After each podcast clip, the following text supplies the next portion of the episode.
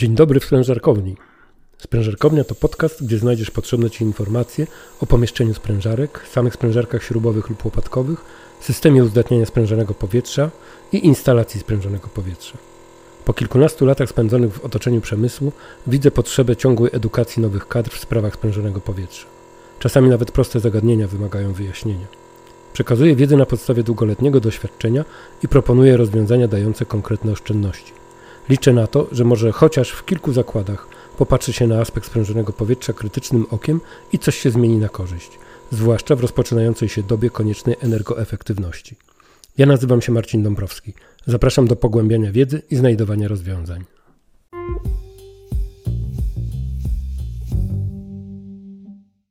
Codzienny serwis kompresorów. A więc stało się. Kupiłeś nową sprężarkę śrubową albo łopatkową i serwis sprężarek sprzedawcy przywiózł ją do Twojego przedsiębiorstwa. Potem było podłączenie kompresora do instalacji sprężonego powietrza i instalacji elektrycznej. Krótkie szkolenie pracownika obsługi, podpisanie wszystkich dokumentów dotyczących uruchomienia i ewentualnie umowy serwisowej i zostałeś teraz sam na sam ze swoją sprężarką. Całą procedurę opowiedziałem w podcaście Serwis Sprężarek Śrubowych etap uruchomienia. Mam nadzieję, że tym podcastem pomogłem Ci przejść pierwszy etap eksploatacji kompresora, to jest jego uruchomienia. Ale co dalej z serwisem sprężarek? Aby kompresor zapewniał Ci sprężone powietrze niezawodnie przez cały okres eksploatacji, masz trzy wyjścia działań uprzedzających ewentualną awarię. Po pierwsze, monitorować jego pracę z systemem monitoringu. W przypadku sprężarek Gardner Denver i Comper o mocy silnika od 22 kW system ICON pozwala aktywnie śledzić parametry robocze kompresora poprzez chmurę. W standardowym wykonaniu dane przekazywane są do systemu co 12 godzin, natomiast alarmy od razu po ich wystąpieniu. Icon HD to usługa przekazywania danych do systemu co minutę i alarmów natychmiast, gdy wystąpią.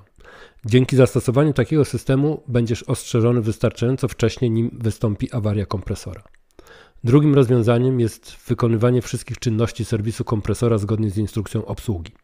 Są w niej opisane czynności, które przypadają na czasy eksploatacji co tydzień, co miesiąc, rok, co 2000 albo co 4000 godzin itd. Tak w każdej dokumentacji techniczno-ruchowej występuje rozdział dotyczący serwisu sprężarek, albo informacje te są zgrupowane przy odpowiednich podzespołach kompresora i warto wydrukować je oraz trzymać w sprężarkowni. Dzięki temu szybko upewnisz się, jaki zakres czynności musisz wykonać w zbliżającym się czasie. Trzecim wyjściem jest połączenie obu rozwiązań. Może to kosztować Cię trochę czasu pracownika obsługi, ale ostatecznie sprężarka zapewnia powietrze na produkcji, dzięki niej zarabiasz. Przeglądając instrukcję obsługi kompresorów śrubowych i kompresorów łopatkowych różnych producentów z grupy Garner Denver, czyli Garner Denver, Comper, Champion Hydrovane oraz kilku innych producentów sprężarek, zobaczyłem, że brakuje w nich listy codziennych czynności, które warto wykonywać, mimo że nie są obowiązkowe. Czynności te powinny być traktowane jako kontrolne, które upewnią Cię, że Twoja sprężarka pracuje prawidłowo i w zalecanych warunkach eksploatacyjnych. Na przykład sprawdzenie warunków panujących w pomieszczeniu sprężarek. Zalecany zakres temperatur w sprężarkowni to od plus 1 stopień Celsjusza do 45 stopni Celsjusza. W przypadku sprężarek z falownikiem do plus 40 stopni Celsjusza. Dokładne dane znajdziesz w parametrach technicznych Twojej sprężarki, które podane są w instrukcji obsługi kompresora. Jeżeli nadeszły zimne dni, sprawdź, czy nie trzeba przymknąć żaluzji w czerpni powietrza i przełączyć żaluzji na wyrzutni powietrza, żeby dogrzeć sprężarkownię. W gorące dni trzeba oczywiście postępować odwrotnie. Zweryfikuj zapylenie sprężarkowni. Jeżeli zwiększyło się, bo sąsiednie przedsiębiorstwo uruchomiło kruszarkę, to warto częściej przeczyścić chłodnicę i filtr obudowy. Zapylone powietrze przyspieszy degradację oleju i zużycie stopnia sprężającego. Innym punktem do sprawdzenia to jest sprawdzenie temperatury oleju. Zakładając, że sprężarka pracuje w dopuszczalnych temperaturach otoczenia, to temperatura oleju powinna wynosić do 70 stopni Celsjusza przy wstępnym rozgrzewaniu kompresora. Pomiędzy 75 a 85 stopni Celsjusza to jest optymalna temperatura robocza. Pomiędzy 90 a 100 stopni Celsjusza to jest podwyższona temperatura robocza spowodowana zbyt niskim poziomem oleju, albo zablokowaną chłodnicą, albo złym typem oleju, albo za wysoką temperaturą otoczenia lub niesprawnym wentylatorem. Przy 107 stopniach Celsjusza sterownik pokazuje ostrzeżenie, a przy 110 stopniach Celsjusza awaryjne zatrzymanie kompresora. W zależności od trybu pracy kompresora i odczytanej na sterowniku temperatury oleju, wiesz w jakim stanie jest Twoja sprężarka. Jeżeli jest to już przedział 90 do 100 stopni Celsjusza, to zweryfikuj problem albo zadzwoń do serwisu kompresorów. Sprawdzanie poziomu oleju. Większość sprężarek śrubowych posiada wziernik do sprawdzania poziomu oleju. Jest to rurka albo oczko. Prawidłowy pomiar wykonuje się na wyłączonym kompresorze. Po odczekaniu 5 minut olej nie powinien już zawierać pęcherzyków powietrza. Poziom oleju powinien znajdować się pomiędzy oznaczeniem maksymalny poziom oleju i minimalny poziom oleju. W razie potrzeby należy dolać olej, a o tym jak dolać lub wymienić olej możesz przeczytać w instrukcji obsługi. Następny punkt do zweryfikowania to sprawdzanie na sterowniku nastaw roboczych. Wprawdzie nastawy nie zmieniają się same, ale mogło się tak zdarzyć, że ktoś chciał się pobawić sterownikiem, a drzwi sprężarkowni nie były zamknięte na klucz. Mogło być też tak, że ciśnienie w instalacji na produkcji było za niskie i któryś operator maszyny podwyższył ciśnienia wstęgi. Obniżenie tego ciśnienia o 1 bar pomoże zaoszczędzić Ci około 7% kosztów energii elektrycznej. Sprawdzenie na sterowniku statusu pracy kompresora.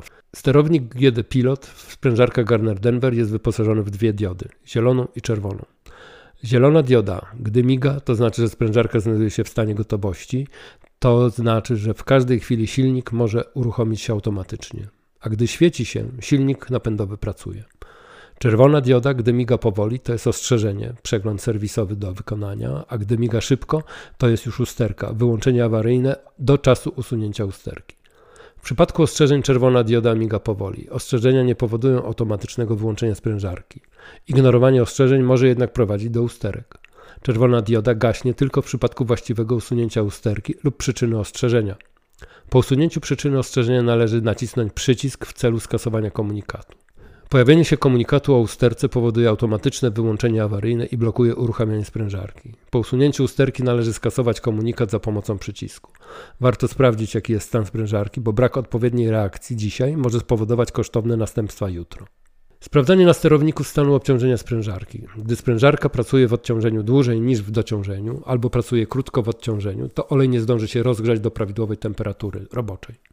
Długotrwała praca w takich warunkach może sprawić, że wilgoć zasysanego powietrza skropiła się wewnątrz kompresora.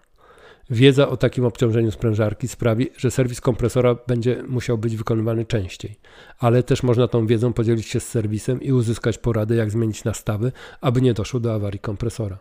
Następnym punktem do weryfikacji to jest sprawdzanie wycieków. Sprężarka powietrza to tylko urządzenie, wykonane z najwyższą starannością, ale zawsze może zdarzyć się, że poluzuje się jakieś połączenie.